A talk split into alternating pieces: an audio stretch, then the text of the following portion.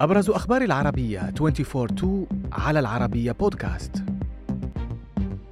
اتهامات للدعم السريع بالتمركز في مستشفيات الخرطوم. صورة مزيفة لانفجار البنتاغون تتسبب بهبوط البورصة. تضامن عالمي واسع مع اللاعب فينيسيوس ضد العنصرية.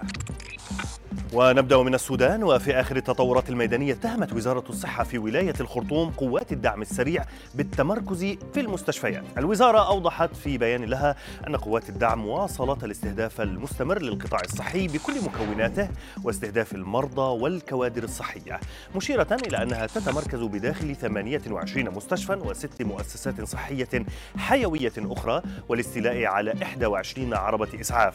فيما سمعت أصوات معارك وغارات جوية في العاصمة الخرطوم رغم دخول اتفاق جديد لوقف إطلاق النار بين الطرفين حيز التنفيذ. تسببت صورة مزيفة انتشرت على مواقع التواصل الاجتماعي لانفجار في البنتاغون. تسببت بتراجع البورصة لبضع دقائق قبل أن تنفي وزارة الدفاع الأمريكية صحة هذا الانفجار. ناطق باسم وزارة الدفاع الأمريكية أوضح أن ما نشر خبر كاذب وأن البنتاغون لم يتعرض لهجوم. فيما رجح خبراء أمن تكنولوجي لصحيفة واشنطن تايمز أن تكون الصورة نتاجا للذكاء الاصطناعي التوليدي وهو ما يسلط الضوء مجددا على المشاكل الكثيرة التي يمكن أن تسببها هذه التكنولوجيا المتقدمة من أضرار اقتصادية واجتماعية.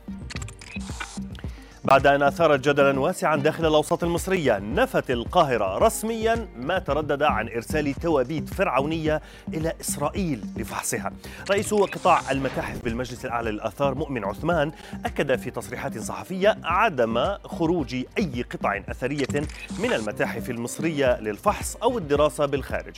فيما كانت قد ترددت أخبار عن نقل أغطية توابيت يتجاوز عمرها آلاف السنين لإجراء فحص بالأشعة المقطعية في مستشفى إسرائيلي.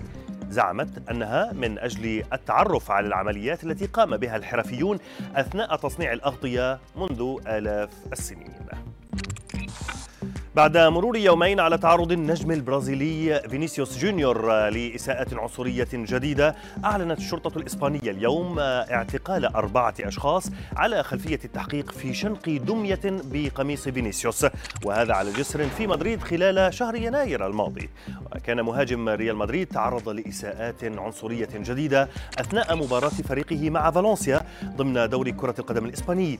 وأثارت هذه الحادثة تضامنا واسعا مع فينيسيوس عالميا فيما أطفأت البرازيل أضواء تمثال المسيح الأيقوني في ريو دي جانيرو لمدة ساعة واحدة مساء الاثنين لإظهار التضامن مع فينيسيوس. وفي خبرنا الأخير رفعت تيك توك دعوى قضائية أمام محكمة فيدرالية لمنع تطبيق قانون أقرته ولاية مونتانا الأمريكية تحظر بموجبه منصة الفيديو الشهيرة اعتبارا من مطلع العام 2024 تيك توك أشارت في دعواها إلى أن هذا الحظر غير المسبوق يتعارض مع حرية التعبير في الدستور الأمريكي.